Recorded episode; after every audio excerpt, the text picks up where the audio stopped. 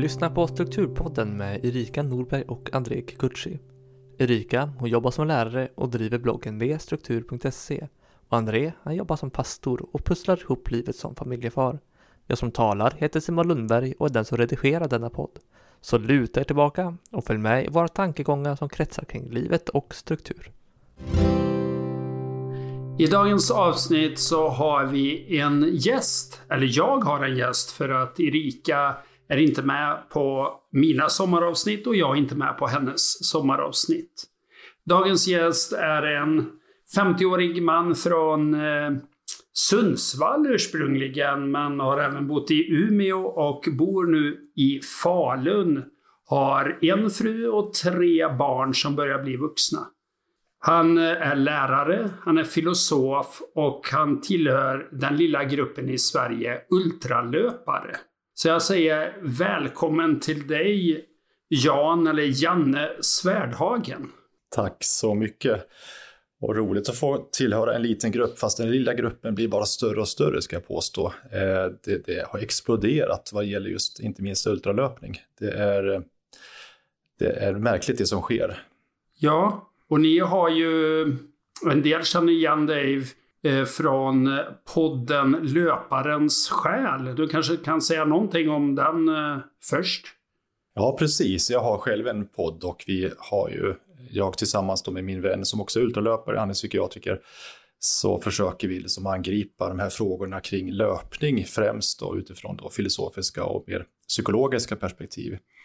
För att det är, det är mycket som sker i löpning vad gäller det mentala och det här med uthållighet, att inte ge upp, att kämpa mot smärtor och sådana här bitar. Alltså hur påverkar det oss? Och det vi ser det är att när man håller på länge tillsammans eh, och, och tävlar och tränar så blir man också i viss grad existentiell. De, de här frågorna dyker upp någonstans. Och det, det är det vi försöker då fördjupa oss i vår eh, podd med de gäster vi talar med. Ja, och ni, har ju, ni är väldigt beredda era gäster. Det kan vara kända elitidrottsmän och kvinnor, men också mindre kända personer, men som har, kan sätta ord på det där. Vad är det att kanske gå i väggen eller komma tillbaka igen och liknande. Så att, Ja, det är ett poddtips för dig som... Och man behöver inte vara så, så intresserad av löpning för, för den podden. Det är lätt att tro det. Nej, och det, det är vår tanke. Vi, vi pratar inte om träningstips eller talar inte om eh, hur man ska äta eller, eller annat som är så poppis och hur man snabbt blir snabbare och liknande. Det tycker vi är ointressant, utan vi, vi är mer inne just på vad, vad gör det här med människor? Vad gör det med oss som individ och, och inte minst med, med vår själ egentligen? Alltså hur, hur kan det här skapa ett välbefinnande snarare än en press och, och prestationstanke som det ofta blir kring, kring det här. Så att eh, det, det, det är väl det vi har fått som feedback också, det har uppskattats ganska mycket.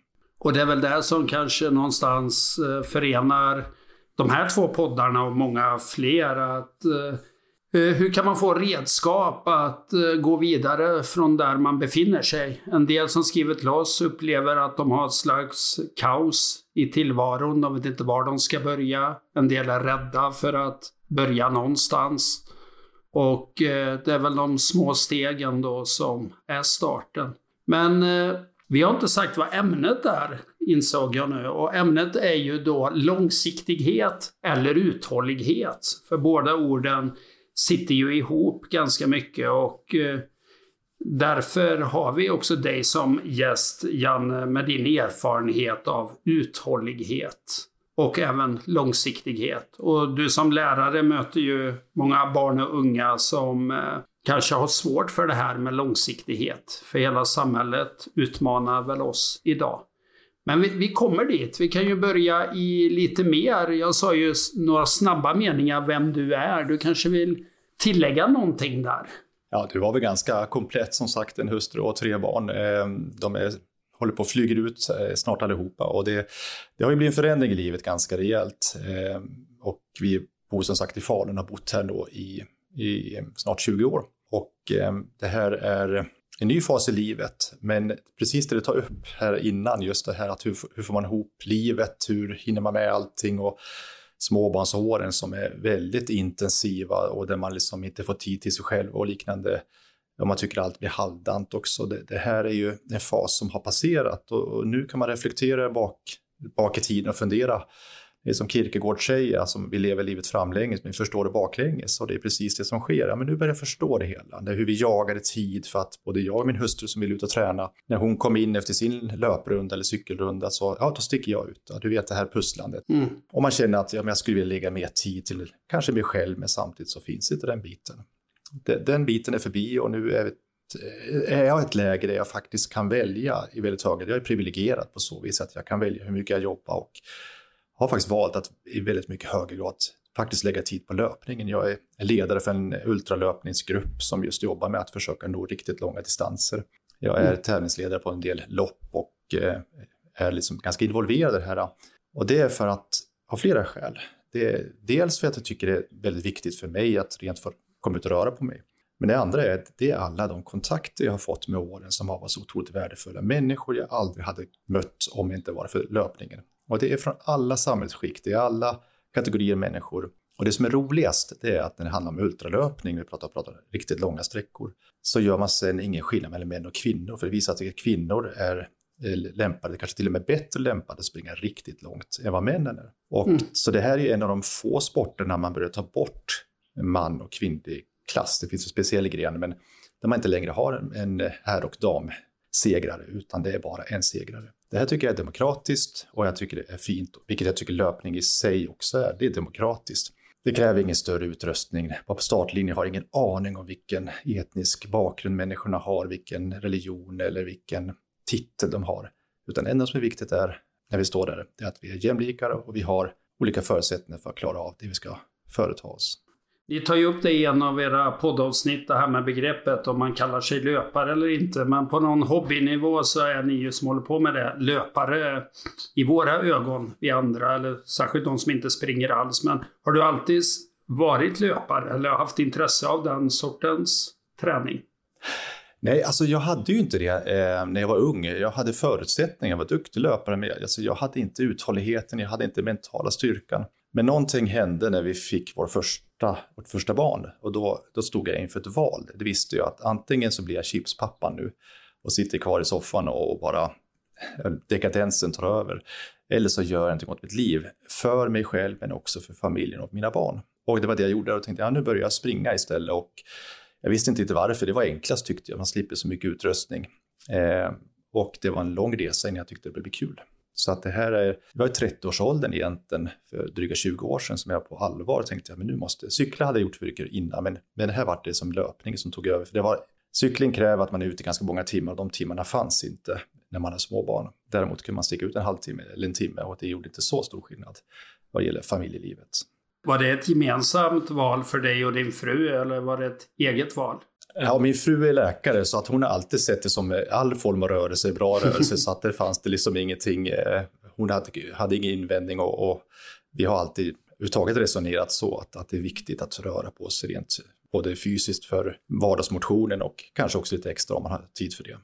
Och hur har pusslet sett ut med tre barn? Det, ganska, det skiljer inte så hemskt många år på dem. I alla fall inte de två första. Nej, det är precis. Det är knappt två år mellan två första och sen har vi en då som är eh, fyra år yngre än den me mellanpojken. Då. Mm. Eh, det har fungerat bra ändå faktiskt. Det har ju funnits intresse från barnens sida också. Och det funkar ju så. Alltså barnen gör ju som föräldrarna gör. Eh, de ser mm. på föräldrarna och på, förstår att ja, men, så här ska man tydligen göra. Det spelar ingen roll hur mycket vi säger till dem, utan de tittar på vad vi gör. Och det visar sig att de har också då Eh, blivit aktiva i olika sporter. De två äldsta har faktiskt blivit riktigt duktiga löpare de också. Till och med har vi ultralöpare, vilket är ovanligt i den åldern. Men det är, det, där ser man, det är så tydligt att på det sättet vi gör, på det sättet vi agerar, eh, plus lite det har att göra motstånd mot att åka skidor och sånt på vintern, men sånt där får man tvinga, och, tvinga dem till. Och jag tror att nu så ser de att de älskar att åka skidor, så att någonting händer och att vi, vi har ju ett ansvar som föräldrar att trots att det är tufft så vårt jobb är att se till att våra barn mår så bra som de bara kan. Och där finns det frågor kring hälsa, kost och liknande. De bitarna hör till. Mm. Eh, och det tror jag är viktigt att börja tidigt för att faktiskt gynna dem i, i, i sina liv framöver. Och det som är roligt kan jag tycka det är att, ja, jag måste bara säga det, det som är roligt är att se att de tränar ju nu barnen utan att göra det på grund av prestation, utan de gör det för att de tycker om det. Och då tycker jag att vi har nått rätt. De, gör, de älskar det. De, de kan få naturupplevelser, de och springer, de kan stanna till och lyssna på, på, på ett djur eller titta. Och, och, då, då tycker jag att då har man landat rätt, så det inte bara handlar om prestation, även fast den biten finns ibland också. Mm. Har du funderat på, om du inte hade gjort det valet som 30-åring, vem hade du varit idag då? Ja, då hade jag kanske varit den som, som eh, väljer soffan och i allt högre grad, eh, som hade bränt en Netflix-serie och, och, liknande. Jag tror också inte jag hade haft en relation med min hustru som jag har idag, för att vi hade inte dragit åt samma håll. Så att, att ha en relation bygger ju på att man, man eh, skaver ner kanterna och hitta eh, vägar som fungerar för båda två. Och fungerar inte mm. det så tror jag att det är svårt att, att, leva ihop helt enkelt. Och det var inget tvång från hennes sida eller så, utan det, jag såg att det här måste vara den väg jag och vi ska gå. Mm. Och nu har vi levt det här året i en eh, pandemi. Och du som lärare, tänker jag i första hand, hur, hur påverkar det? Och du har haft barn som har tagit studenten det här året och många av de där stora, amen, vad ska man säga, livsavgörande händelserna eh, som kanske en student är, nu går man iväg eller har påverkat. Hur har du sett, eller hur har det påverkat dig och din vardag? För mig har det inte påverkat särskilt mycket i och med att jag jobbar ganska mycket i egen regi också nu för tiden, inte bara lärare mm. utan eh, också har möjlighet att kunna välja de uppdrag jag gör. Så att jag, jag har ju haft en ganska förmånligt och faktiskt sluppit resa i lika hög omfattning som tidigare. Så för mig har det varit en fördel tycker jag. Mm. Eh, träningsmässigt så har det inte spelat någon roll alls för mig utan jag har ju kunnat fortsätta att springa i skogarna oavsett eh, pandemin mm. så att det har varit en fördel. Och det känns tryggt att träffa andra människor och springa tillsammans med dem utifrån de parametrarna. Däremot så ser vi klart att utifrån många andra situationer så har det ju blivit varit väldigt tufft, eh, inte minst eleverna. Som sagt, eh, det sociala sammanhanget har försvunnit när man suttit online, eh, haft undervisning på, på, på nätet. Alltså det, det här har varit förödande och det har varit förödande, inte minst bara vardagsmotionen. Att man har gått direkt från sängen rakt upp eh, till skrivbordet och sen eller kanske till och med ligger kvar i sängen. Mm. Eh, vi tappar så många bitar utöver den sociala biten, även den fysiska biten. Och det här har varit förödande och vi har också sett resultaten. Eller man kan snarare se att de som har det bra vad gäller föräldrar som stöttar, de har klarat sig bra. Medan de som inte haft eh, det stödet eller de förutsättningar ofta socioekonomiskt utsatta grupper, det har varit ännu värre för de har förlorat ännu mer på det. Så det, det har varit djupt orättvist och, och bekymmersamt tycker jag. Och eh, vi får se vad, det, vad vi får se i kölvattnet här, men för många är det nog ett litet för, förlorat år tyvärr. Vi har ju i denna podden vid flertalet eh, tillfällen pratat om Anders Hansen, hjärnforskaren och hans tre viktigaste eh, delar för att få vardagen att gå ihop. Och det är ju ett socialt sammanhang. Det är att sova minst eh, sju timmar och det är att röra på sig en halvtimme. Och tar du bort två av dem och är tonåring så kanske du till och med tar bort tre av dem för att få vardagen att gå ihop i det här pandemiåret. Så det är klart, det händer någonting med oss.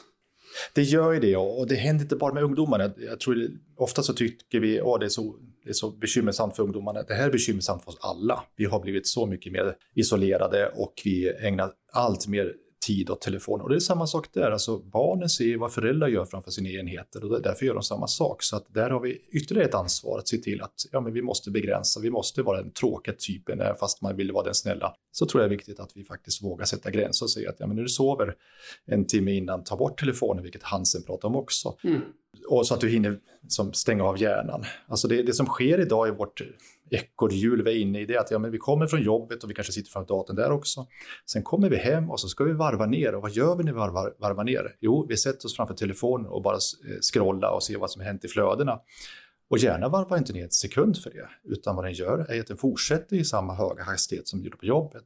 Mm. Det är där vi skulle ta bort telefonen och, eller mobilen eller datorn, paddan, ta sig ut och gå på en promenad och kanske till och med lämna den här enheten hemma för att bara känna sig befriad. Eh, mm. Så att det här har vi, alltså det, om vi pratar om uthållighet, alltså det är väldigt många idag som är rädda för att inte kunna vara nåbar eller, eller um, kunna titta på sina enheter. Eller ännu mer rädd för att vara med sig själv. Alltså att lyssna på sina egna tankar och sånt. Och det är studier som visar att det finns många som inte klarar av det mer än 5 eller 10 minuter för att då måste man då hantera sin egen, egna tankar och kanske ångest i viss mån också.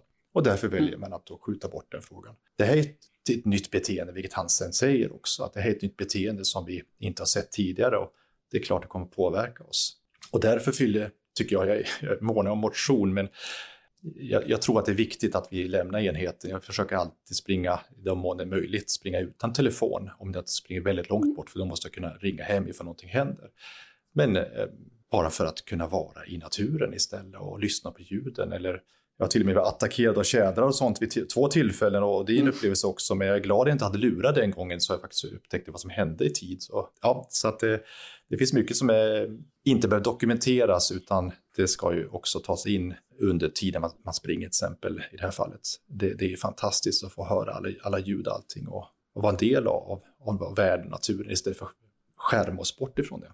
Ja, jag har aldrig faktiskt uppskattat att ha någonting i öronen när jag springer. För jag brukar bli så rädd för cyklister och mopedister och mm. sånt där som passerar. Och man, man springer mer på spänn. Och, ja, men det är trevligt, särskilt den här tiden när fåglarna mm. kvittrar nästan dygnet runt. Och, ja, det finns en närvaro. Och jag har en vän som utvecklar appar åt ett större företag. Och eh, hon springer ju alltid utan eh, telefon. För att mm. det är hennes paus. När man jobbar med appar mm. så jobbar man med telefonen dagligen. Men där är pausen och väldigt mycket stänga av när hon kommer hem på helger och valt ett avstängt liv utanför jobbet. Och det, här är ju, det finns sådana möjligheter, vilket tror jag de flesta inte upplevt. Jag, på fredag är det faktiskt ett gäng, jag ska själv inte vara med för att jag ska tävla på lördag, men på fredag kväll klockan 10 så sticker det ett gäng ultralöpare iväg här från Falun och så ska de springa hela natten. Och poängen är inte att springa den långa sträckan, utan poängen är att uppleva natten, när faktiskt då det tystnar mer och mer, fåglarna tystnar under den korta tiden det är natt nu på sommaren här. Och sen vid två, halv tre så hör, börjar kvittet komma igång och man hör liksom hur, hur världen vaknar till liv igen. Det, alltså, det är en mm. fantastisk upplevelse som, som fler borde egentligen uppleva och där, där enheten inte finns med längre. Utan, och det som är roligt också när man i det här fallet springer tillsammans det är att först pratar man men sen när det blir mörkare då blir man tystare och tystare, går in i sig själv och får hantera de här tankarna som man får i, i natten. Eh, när man egentligen borde sova. Så att det här är det finns ett mysterium som jag tycker är spännande att ta del av i den här upplevelsen, fysisk aktivitet kopplat till naturen i det här fallet. Har du mött i löpningen att personer, alltså att det är en speciell grupp, du börjar med att säga att ja, det är från alla skikt och sådär. Eller tränar man i löpningen på det där att våga, ja, våga lyssna på sig själv? Eller på de tankarna som kommer? Eller har man det från början? Nej, det där tränar man på och det är väldigt många som, som inte har erfarenhet att springa som har helt upptäckt det och sen tagit nästa steg och vill springa längre och längre.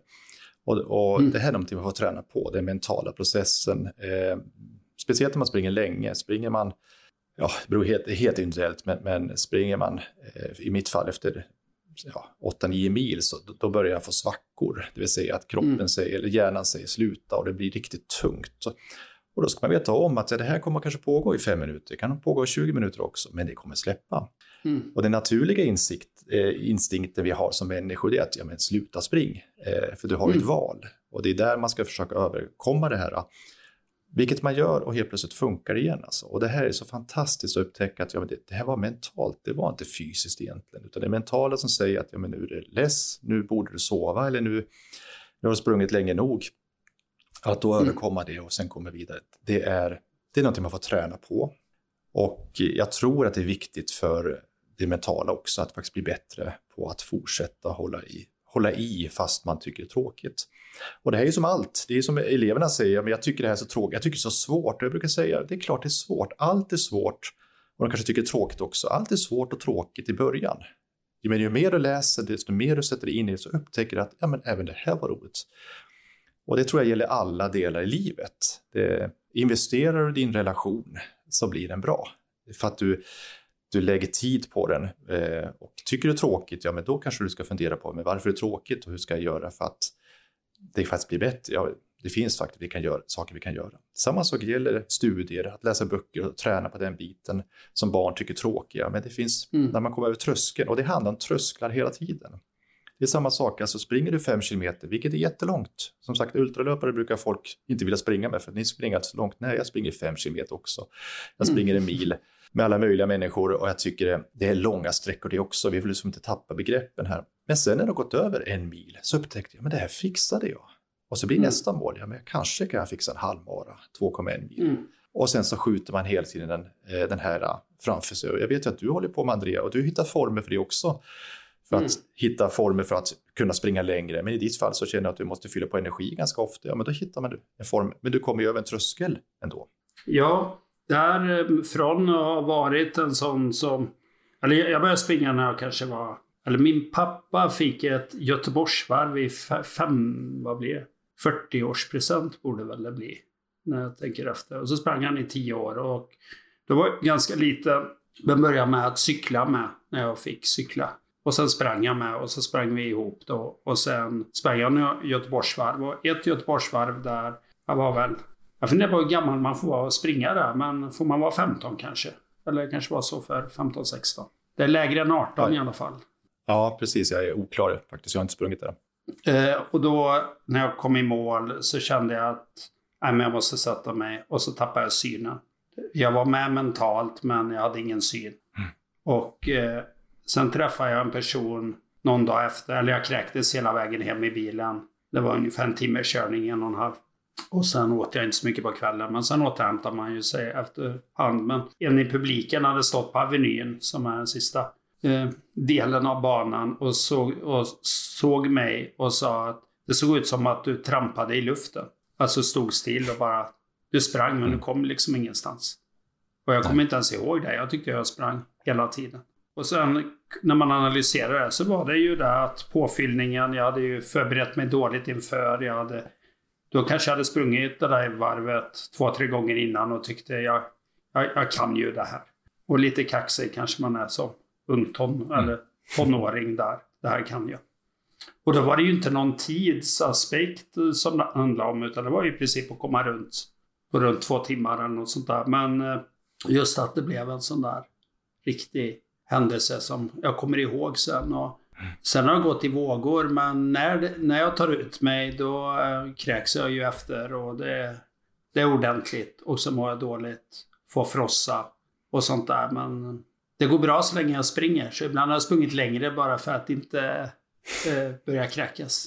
Det, och jag tror inte att det är bra egentligen. Men stannar jag nu så kommer ja. jag må så dåligt så jag tar ett varv till tänkte jag för ja, några år sedan. Ja, det väl bra. Men, det... Eh, och det är väl bra för då, då har, ja, har man visst. det. Det har, det har min son sagt flera gånger, man har inte tagit ut sig tillräckligt mycket om man inte kräks. Så att han, han är ja. inne på det spåret också, så det låter ju hemskt. Men ändå, det, sånt där kan ja. jag skrika ganska rejält att vilja fortsätta. Ja. Och jag fick ju här när jag sprang två mil här för några veckor sedan på den första varma dagen. Då kände jag, är det värt det här? Och då pratade jag lite med dig efteråt och så konstaterade vi nog att jag behöver fylla på med lite energi under tiden. Och nu har jag ju sprungit både längre och kortare sedan dess. Och fyller på mer regelbundet. Och senast var väl i förrgår så sprang jag 15 kilometer och då var det ju runt 22-23 grader någonting där och kände mm. ingenting efteråt. Och kände att jag kunde ha sprungit längre men det räcker och jag mår bra. Mm. Och jag utsatte inte mina barn för att kräkas framför dem. Liksom. Det kanske ser hemskt ut för, som barn att se. Men samtidigt ja, vad det gör är ju vad det gör är att ja, men nu börjar, du börjar lära känna din kropp, du börjar ja. hitta en struktur för hur du ska träna i ditt fall. Och det, det här som är problemet, alltså, många gånger så vill man ju läsa sig till och så ska någon annan berätta hur ska jag göra. Och, och problemet är att många gånger så funkar det inte, utan du måste hitta din egen väg. Ja. Och det var precis den resan jag gjorde när jag började springa också. Jag läste allt och följde alla råd.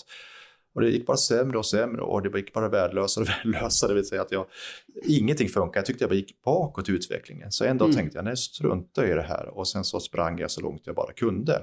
Och kom in i det som kallas runners high, det vill säga att jag kände att jag kan springa hur långt som helst. Och då upptäckte jag, ja men jag är mm. långlöpare.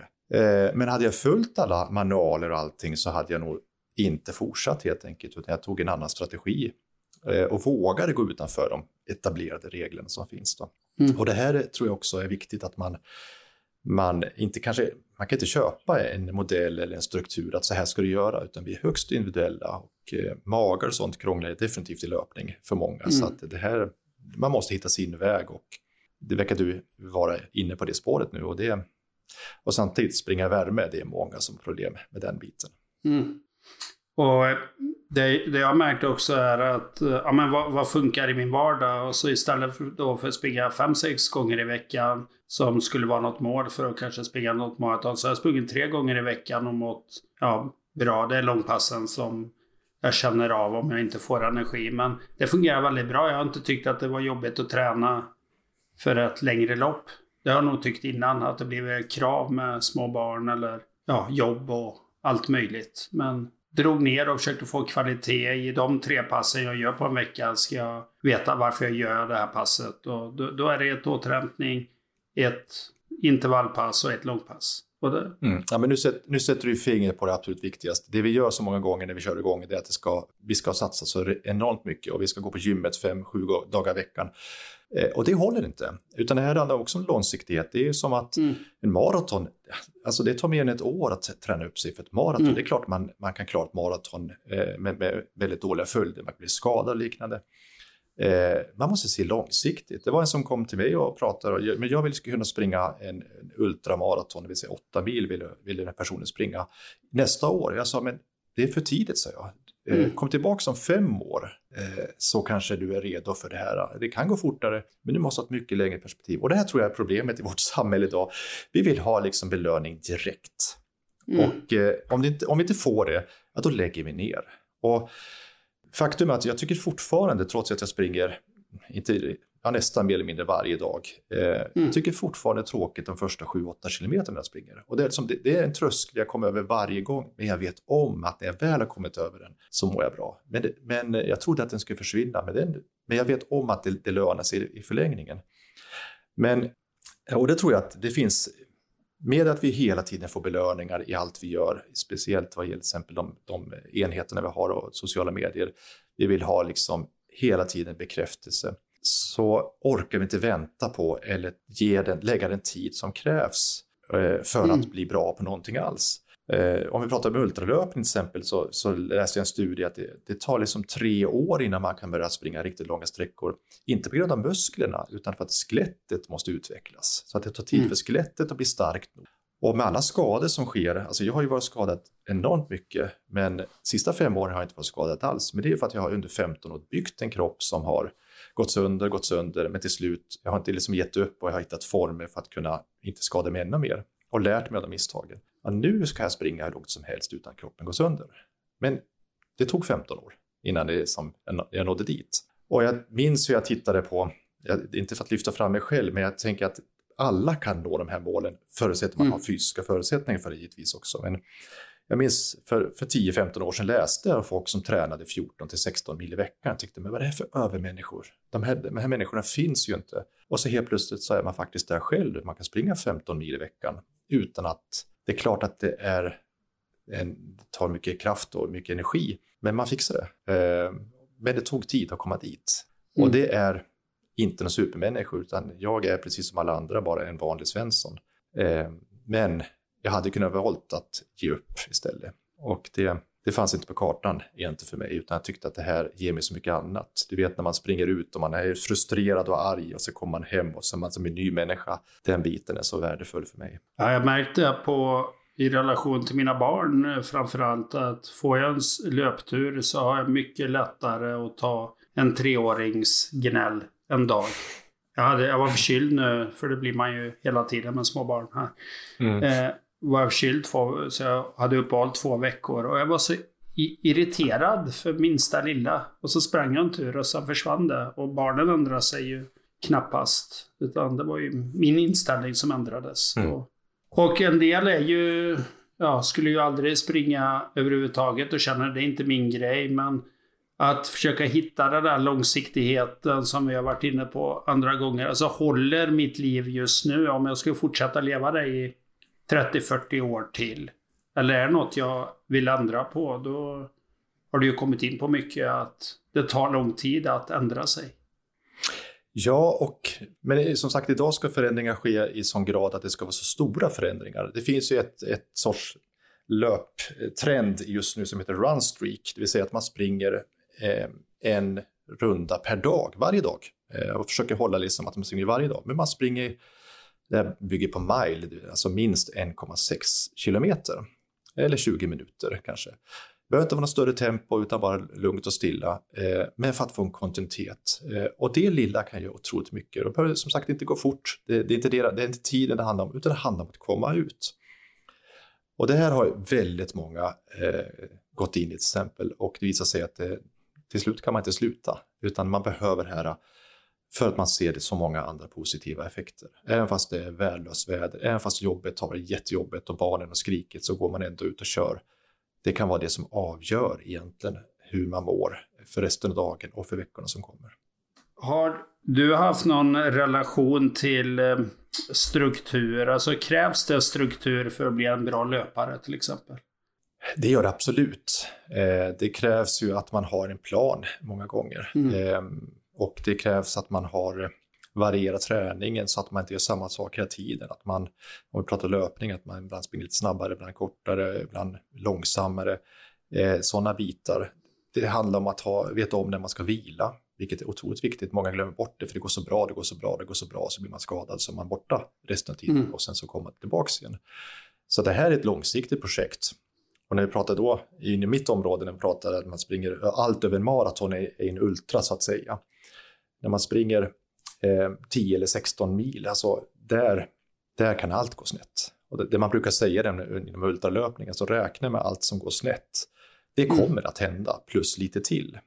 Mm. Så det här kräver ju att man är, måste dels förstå lite grann vad man har framför sig och försöka räkna på vad, vad som går snett. Magar krånglar, utrustningen pajar, eller skorna går sönder eller, eller någonting annat. Eller det börjar spöregna, det blir kallt. Det finns massor med saker som vi inte kan påverka, men måste ändå mm. försöka hantera. Och eh, så att när det taget handlar om vi pratar längre sträckor så krävs det en plan och krävs en struktur. Eh, en del gör scheman för varje mer eller mindre varje minut för att det här ska jag göra, precis vid den tidpunkten ska jag äta det här etc. Och precis så här mycket för att dricka lite för mycket av sportdrycken då kommer min mage krångla. Alltså det finns så många mm. bitar, vilket man lär mig så småningom. Men jag är väl inte så strukturerad annars, men när det gäller löpningen i viss mån ska jag säga, jag är lite slarvig där också. Jag skulle kunna bli bättre på det. Jag har faktiskt en son som är bättre på att eh, coacha mig och säga, tänk på det här också pappa. Det är skönt mm. för att han är mer strukturerad än vad jag är. Eh, Samtidigt så tycker jag det är lite spännande att se vad som händer när man inte har planerat, för det kan gå riktigt snett. Eh, men det kan också vara en ut just för att lära sig. Och vi fortsätter lära oss fast vi är över 50 år gamla. Men mm. jag tänker kring, kring eh, träning överhuvudtaget så måste man ha en plan. Och just att ja, men nu ska jag börja långsamt och trots att det går så bra så gäller det att liksom håll, lägga band på sig själv och inte sticka ut för långa sträckor. För det, det som kommer hända är att du kommer bli skadad. Istället för att långsiktigt tänka att om ett år så gör jag kanske en halvmara eller en mil. Då är jag, men jag bygger det successivt. Och det kommer du vinna på istället för att ha kanske gjort det på en på mycket kortare tid. Men dels så tappar du motivationen. Motivationen är en otroligt viktig faktor för att kunna fortsätta med någonting överhuvudtaget. Så dels tappar du motivationen och dels så troligtvis så skadar det så att du inte kommer att göra det i fortsättningsvis. Och, och det här är tyvärr alldeles för många. Och jag mm. skulle egentligen vilja se många äldre faktiskt. Jag, jag ummar lite speciellt för män i min ålder som jag ser att det är många som borde faktiskt i hög grad eh, ta liksom ett nytt, nytt steg i livet och våga röra på sig. Vardagsmotioner och liknande för att bara för sin egen del eh, själsligt må mycket bättre. Och, mm. och, men det kräver en plan. Det är, liksom, det är inte så att, ja, men, det är som, på, det är som nyårsafton där man alla eh, dagen efter köper massor med gymkort. Vad jag mm. förstått så är det 80% av de som köper kort går aldrig dit efter två, två tre månader. Nej. Så att eh, det, det håller inte, utan man måste ha en... Och då har man tagit, gjort en plan som är alldeles för svår. Utan gör en enkel plan och tänker att jag, jag ska ta med en kompis till och med. Mm. Eh, ännu bättre, är man två så är det så mycket lättare att peppa varandra. Och så gör vi det, så man, gör man pakt tillsammans och tänker att vi gör det tillsammans, vi tar det lugnt. Och målet är kanske att hamna där. Alltså livet handlar om struktur överhuvudtaget. Träning handlar om struktur i väldigt hög grad. Och jag kan tycka att jag tycker därför är löpning så spännande, för det, det säger så mycket om livet i övrigt också. Att har du liksom ingen struktur, har du ingen plan för ditt, din relation eller ditt arbete, då kan du jobba jämt eller du kan leva eh, på det sätt du gör nu utan att korrigera planen och då kommer det inte gå bra helt enkelt. Mm. Eh, vi kan gå i väggen av olika anledningar. Vi måste fråga oss vad är det som gör att vi faktiskt bara mår sämre och sämre trots att vi bara har det bättre och bättre rent, rent materiellt och rent ekonomiskt. Och här tror jag mm. att det handlar om att vi vill ha snabba belöningar och kommer de inte, ja, då blir vi nedstämda och tycker att vi är dåliga som människor. När vi egentligen har satt ambitionsnivån helt fel. Istället för att lägga dem mycket lägre, mycket lägre tröskel eh, och säga att jag ska ta mig över den här tröskeln först. Mm. Och sen ska man fira och sen tar man nästa ställe. Du är inne på det med eh, alltså behovet av särskilt ultralöpning. Det här i förberedelse och att man har vad heter det? Det är inte tränare, men man har en person bredvid sig när man springer där mm. loppen. Vad har den för funktion? För det kan vi ju översätta vad man än står inför. Antingen så är man medtävlare eller medtränare. Eh, på långlopp så har man en pacer med sig. Det vill säga, mm. det finns möjlighet alltså att få en som person som medlöpare när man har kommit upp efter 10 mil så får man ha en pacer med sig. Och den är till för att dels se till att man inte springer snett för att man mentalt faktiskt börjar bli trött i huvudet. Eh, eller att eh, det finns någon med ifall skador händer, ifall någonting oförutsett händer, att man svimmar och liknande, vilket också händer. Mm. Och det tycker jag är lite fint den här pacen. Och jag har haft pacer med några gånger och, och jag brukar välja att ja, men jag vill att du springer bakom mig, inte framför mig. Utan jag vill inte att du ska dra upp tempot, utan jag styr tempot. Men du finns bakom som ett stöd i mitt liv.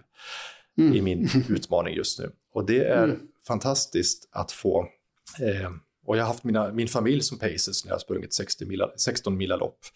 Mm. Där eh, mitt i natten i mörkret när jag har då sprungit en 14 mil. Där, där då ja, min son som springer med mig på natten, han ligger bakom och säger, pappa, jag tycker att du springer lite snett och vingligt nu pappa, kan du inte ta en, en sån här energitablett för säkerhets mm. skull? Och det hade inte jag tänkt på om inte den här fanns där, det här eh, någonstans kan man kalla det för ett ställföreträdande jag. Mm. För att jag är själv inte mig själv längre, utan jag kan inte ta de kloka besluten och då finns det en annan där. Den medlöparen behöver vi alla i livet. Den medlöparen alltså i alla livets skeden, har de flesta män inte i min ålder. För att det visar sig att män i min ålder, över 50 års ålder, så har kanske högst en genuin vän som man i bästa fall kan förtro sig åt. Mm. Och det här, det här tycker jag är, är, lite spännande. Vi behöver de här ibland ställföreträdande jagen i livets alla skeden och speciellt mm. kanske när man blir äldre. För att vi, vi har bara annars våra egna röster och de som vi har i huvudet och de är inte till bra alla gånger för att vi, de är grumliga av olika skäl. Mm. Du har ju också en eh, gudstro och du är engagerad i en lokal eh, frikyrka. Är det också en medhjälpare?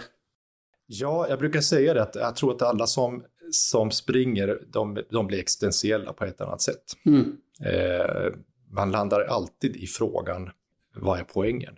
För att eh, speciellt utanlöpningar, när man håller på länge, så måste man fråga sig frågan till slut, varför gör jag det här? Mm. Och det faller tillbaka på en slut på fråga om livets existens, alltså existens överhuvudtaget. Varför finns vi till? Och det är de samtalen som jag märker så många gånger sker när jag springer med medlöpare. Eh, efter flera timmar så kommer de här frågorna och vi diskuterar. Det finns ofta uttryck för en andlig uppfattning på ett eller annat sätt. Eh, för mig så jag brukar säga att det, det som håller min tro igång, det är ju tvivlet. Egentligen. Alltså att mm. tvivlet på, på um, gudomligheten och den här biten, den är viktig för mig. En del skulle vara rädd för sådana saker. Eh, tvivlet håller mig igång i löpning också, att jag, jag ska utmana det här tvivlet. Och jag tänker liksom inte mm. ge upp. Och det är det, samma sak i den religiösa uppfattningen jag har alltså också, att jag, jag tvivlar varje dag. Jag vaknar varje morgon och funderar att, ja men vadå, vad är det här för någonting? Men det är det mysteriet jag är ute efter att försöka förstå. Jag kommer aldrig förstå det. Eh, och jag kommer aldrig få någon sanning i det hela. Men det är det som driver mig framåt. Och på samma sätt gäller det här också. Jag kommer aldrig veta vad som ligger framför mig eller hur jag kommer hantera den här situationen i, i långloppet. Men det är det som är utmaningen. På lördag ska jag springa 6,7 mil i en tävling. Jag vet inte vad som kommer hända i den tävlingen. Eh, jag kan få svackor och liknande, vilket man får i livet också, eller man får i sin, i sin tro. Men det är en del av livet och det ska man hantera. Alltså hade livet bara varit framåt och klarat av allting, då hade inte livet varit värt att leva. Jag tror att de här svackorna är absolut viktiga och tvivlet är bland det viktiga som driver oss. Ja, jag vet att det här är Andres avsnitt, men jag tänkte bara hoppa in lite snabbt och säga att strukturkalendern går att beställa Och om du är nyfiken på att läsa mer om den eller beställa så kan du gå in på strukturkalendern.se.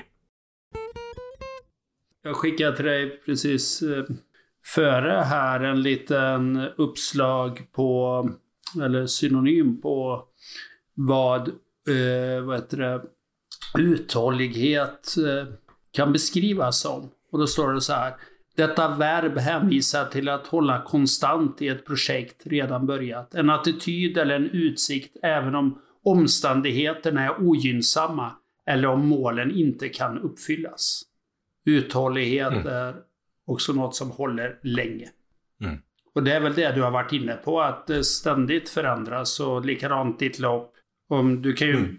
förbereda det mesta för ett 6,7 mils lopp, veta precis kanske vart det går och vad du har med dig, men du vet inte omständigheterna och hur kroppen mår just den dagen. Men du kommer springa ändå antagligen. Du kommer inte välja bort det. Nej, och, och, målet i sig, visst, jag ska, jag ska klara mig 6,7 milen. Men ja. är det så att jag inte lyckas med det så, så ska jag åtminstone göra så mycket jag kan för att lyckas. Men det eventuella DNF som man säger, did not finish, som man säger i, i tävlingar, eh, är också en, en, en del av lärdomen man gör. Varför händer det här och liknande. Mm. Men att man, man brukar prata, ett populärt begrepp idag är något som heter resiliens, det vill säga att det är ungefär som ett, eh, ett grässtrå i vinden som, som stormar och det böjer sig hela tiden. Och det är det här jag vill försöka utveckla, en, en, att min, min kropp böjer sig, min själ böjer sig, men lägger sig inte ner av bruten utan reser sig upp igen när stormen har bedarrat. Mm. En ganska intressant bild, det här med resiliens, att hela tiden hitta former för att inte eh, lägga sig platt eller att inte bara ge upp, utan jag fortsätter. Och jag vet om den 6,7 milen, det är en speciell form av, av tävling som jag ska Eh, var med i. Eh, men jag vet om att det kommer komma dippar där. Men det jag också vet om det är att under resans gång kommer jag ha ett, ganska många människor runt omkring mig som kommer jag samtala med och kommer ge mig energi. Det fina i de här långa loppen är att det finns inga armbågar och liknande, utan det som man gör är att man stöttar varandra. Man säger bra jobbat, vad stark du är. Alltså man, man lyfter fram varandra istället. Fast man är konkurrent så lyfter man fram varandra, vilket jag tycker är så otroligt vackert i de här sammanhangen. Ja, det är ju fascinerande. Jag har tänkt på det här, när jag bodde i Stockholm så fanns det ju lopp nästan varje helg. Man kunde springa olika turer och så fort man gick någonstans så kom det ju någon och hejade på en som sprang mm. om en. Mm. Och alla är, vi, vi tävlar ju egentligen mot varandra någonstans, men samtidigt tävlar man ju bara mot sig själv. Ja, och det måste man komma ihåg. Ja. Det, det, det tror jag är viktigt och, och än en gång, det, det, det, är en prestation vi gör varje dag vi överlever på något vis. Ja. Det, det, det, är den tävling vi finns i hela tiden, att vi, vi klarar av alla de utmaningar som finns och hanterar dem och försöker vara just resilienta på det sättet att vi, vi har ingen aning hur vinden kommer att blåsa imorgon utan vi får ta det då. Eh, mm.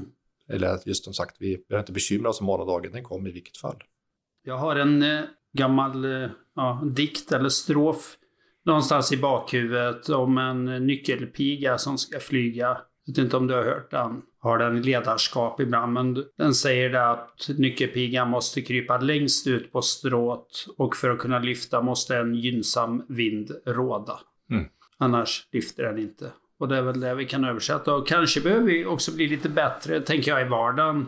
Om man inte bara pratar om löpning utan i stort. Alltså hur, vem är vi när vi står i matkön? Vad tänker vi om den framför i affären? Säger vi något uppskattande ord eller är vi tysta? Och jag tänker, eller jag själv i alla fall, är ju ganska tyst. Mm. Men skulle jag springa ett lopp med samma så skulle jag ju heja på den som stod framför någonstans. Mm, precis. Precis, men det är ju för att vi finns i en annan social kontext som gör det tillåtet. Jag tror att det är svårt i mat, eh, matkön eller liknande för då ses man väl som besvärlig. Men å andra sidan hade det varit spännande att få det här samtalet som jag tror i många andra kulturer faktiskt är eh, mycket tydligare och naturligare än vad vi har här i Sverige. Mm. När man har barn, när jag var här på förmiddagen gick jag en tur i området och var på en lekplats och då var det ju två andra föräldrar där och vi pratade ju direkt eftersom mm. vi hade barn. Det var ju det som förenade oss. Sen blir det kanske inte så jättedjupt med vi hade fem barn sammanlagt på tre vuxna där, men eh, vi, vi gjorde ett möte i alla fall. Och det, mm. det är spännande. Och eh, det, det jag funderar lite på kring om du har någon sån här som vi kallar för bra, bättre, bäst. Det kan ju vara något personligt du har eller något du har mött. Men Vi brukar fråga våra gäster där och vad har du hunnit fundera på det? Ja, den, den är ju svår som sagt. Jag, jag, har ju... Mitt mål är alltid att försöka bli den bästa versionen av mig själv. Eh, att utvecklas och förhoppningsvis bli bättre. Jag gjorde den reflektionen, jag, det låter att jag bara lever för löpning, men, men, jag får mycket reflektioner kring när jag springer faktiskt. Och jag gjorde just det att eh, jag hade kommit ganska långt och visste nu är hälften kvar. Och så gjorde jag reflektionen, ja men precis som ett liv, jag har gått, nått hälften nu. Eh, kanske i bästa fall har jag 50 år kvar, inte vet jag, då blir jag över 100 år. Men i alla fall har jag kommit mer, mer än halvvägs kanske. Och då kan man fundera på ja, men vilka, det är så mycket jag ångrar eller som jag gjorde, borde gjort annorlunda. Men, men så kom jag på att det, det är faktiskt oviktigt för mig. Eh, det är klart det har format mig, men nu har jag liksom andra hälften kvar. Det är det jag ska satsa på. Att göra saker bättre, att vara ännu mer närvarande i samtalen istället för att kanske tänka på annat eller vilja titta på telefonen eller vad det är för någonting. Och där kan jag bli bättre. Eh, jag, jag, skulle påstå att det är väl ganska bra att ha, men jag, jag, kan alltid bli bättre i den biten, att se andra människor, att bekräfta andra människor. Och i en sån bekräftelse som är in, genuin och viktig.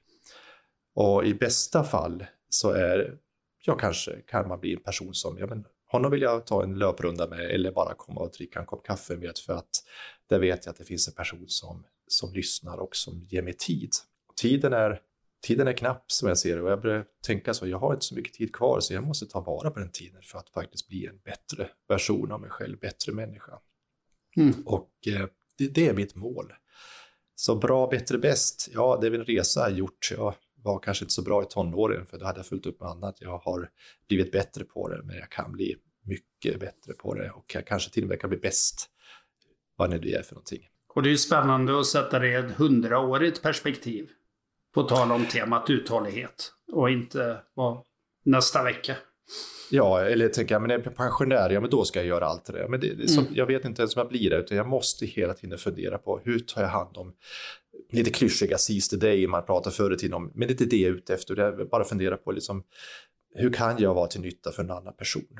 Eh, mm. Hur kan jag vara en del i ett större sammanhang och hur kan jag vara stöd för de människor som behöver stöd? Och sånt stöd är i träning och i löpning och sånt också, men, men också i samtalen. Eh, och där vill jag träffa fler människor för att just kunna få ett stöd och kunna få nya intryck från andra människor och kunna få tänka om och få veta oj, så här kan man också tänka istället för att tänka att ja, jag har rätt eller att jag är färdig på något vis, för det är jag absolut inte. Mm. I mitt jobb så har jag märkt att det är vissa saker som där tiden har fått vara faktorn att jag kan ha vissa typer av samtal. Min egen erfarenhet, jag hade inte kunnat ha det samtalet eh, för 10 år sedan. Eller för 15 Nej. år sedan. I jobbet då. Och eh, man kanske får vara uthållig på det sättet att ibland är det inte tid för vissa saker. Men det blir tid allt eftersom. Mm. Dina små erfarenheter samla, samlas, läggs i en pott och sen någon, någon gav bilden att eh, om för, ditt förtroende är som en korg med bullar så eh, måste den fyllas på under många år. För att sen kunna liksom plockas av när det inte är så bra. Eller när du får mer erfarenhet. Mm. Men börjar du med en tom korg så är det väldigt svårt för folk och, och för dig själv att uh, hantera det. Alltså, vad är det man tar från något som är tomt? Men har du en hel hög med bullar så är det rätt lätt att ge ut. Så på hundra år så har man rätt mycket erfarenhet att dela med sig. Ja, precis. Och det är väl min förhoppning att kunna få vara den som ändå inte heller tror att man, man är färdig nu. Nu har jag levt så länge så nu vet jag allting. Utan det här, jag brukar säga att de jag högaktar mest är människor som gör synvänder och vågar tänka nytt eller ta in nya perspektiv och förändra sig utifrån det. Och mm. det tror vi har en det är också en uthållighetskamp vi håller på med, att just våga göra det och inte tro liksom att ja, men jag, jag, nu kan jag det här. Jag vill aldrig vara gurun eller den som personen ser upp till, för att då tror jag att man har ly inte lyckats eh, egentligen, utan jag vill vara den som springer axel mot axel. Det är det jag tycker är så fint med löpningen. Vi, vi, vi sitter inte mitt emot varandra, utan vi, vi har liksom blicken framåt åt samma håll. Vi håller, mm. Ibland kommer man till och med i synk i löpsteget, vi springer precis samtidigt samma takt. Och då mm. börjar vi bli takt i tanken också och vi har blicken framåt åt samma mål. Det är en fantastisk upplevelse som jag unnar så många fler att få uppleva. Och då är det ju fint att din son heter Axel också. Men det kanske inte har någonting med saken att göra. Men det är lätt att springa axel mot axel. Ja, det är lätt att springa axel mot axel, ja. ja. I våra avsnitt så har vi också något som heter veckans prova på. Och du fick den här frågan i förväg. Och då undrar jag, har du någon prova på som lyssnarna kan testa den närmsta veckan? Eller närmsta tiden, eller de närmsta hundra åren kan det ju vara också. Ja, jag vill faktiskt slå ett slag för just en speciell tävlingsform och det är den jag ska göra på lördag faktiskt. Det är, och om ni inte tycker om att tävla så tycker ni ska göra det här då, för det finns ingen mer social tävling än vad det här är och det är en så kallad backyard. Och det finns mm. fler och fler backyard ultra kallas det, det vill säga att man startar varje timme och varje ny timme är en ny start. Och det innebär att man under den timmen ska man då springa 6,7 kilometer. Och det låter långt, men det är inte så långt på en timme. Man kan springa väldigt långsamt. Men det fina mm. är att man, kan, man springer och pratar, man går mycket. I uppförs, alla uppförsbackar går man, man pratar med varandra och man tar det lugnt och sen så fyller man på med energi och sen så går man, ger man sig ut på ett nytt varv. Och det visar sig att i stort sett alla som är med i sådana tävlingar, de slår sina rekord. De springer längre än någonsin gjort innan, för att det är mm. ett så långsamt tempo. Och det, det, här är inte till för att jag vill att ni alla ska bli eh, långlöpare, men poängen är att vi får så många mer bitar i det här. Så det är Backyard Ultra som sagt, 6,7 km bygger på miles, även det, det är 4 miles totalt man springer. Mm. Men det som är fina är det att som sagt det är så mycket möten och det är så eh, mycket pushande att man stöttar varandra och verkligen inte säger ja men nu ska jag gå av, ja, men ska du inte köra ett varv till? Till slut gör man det och så visar sig att ja, men jag fixar det också.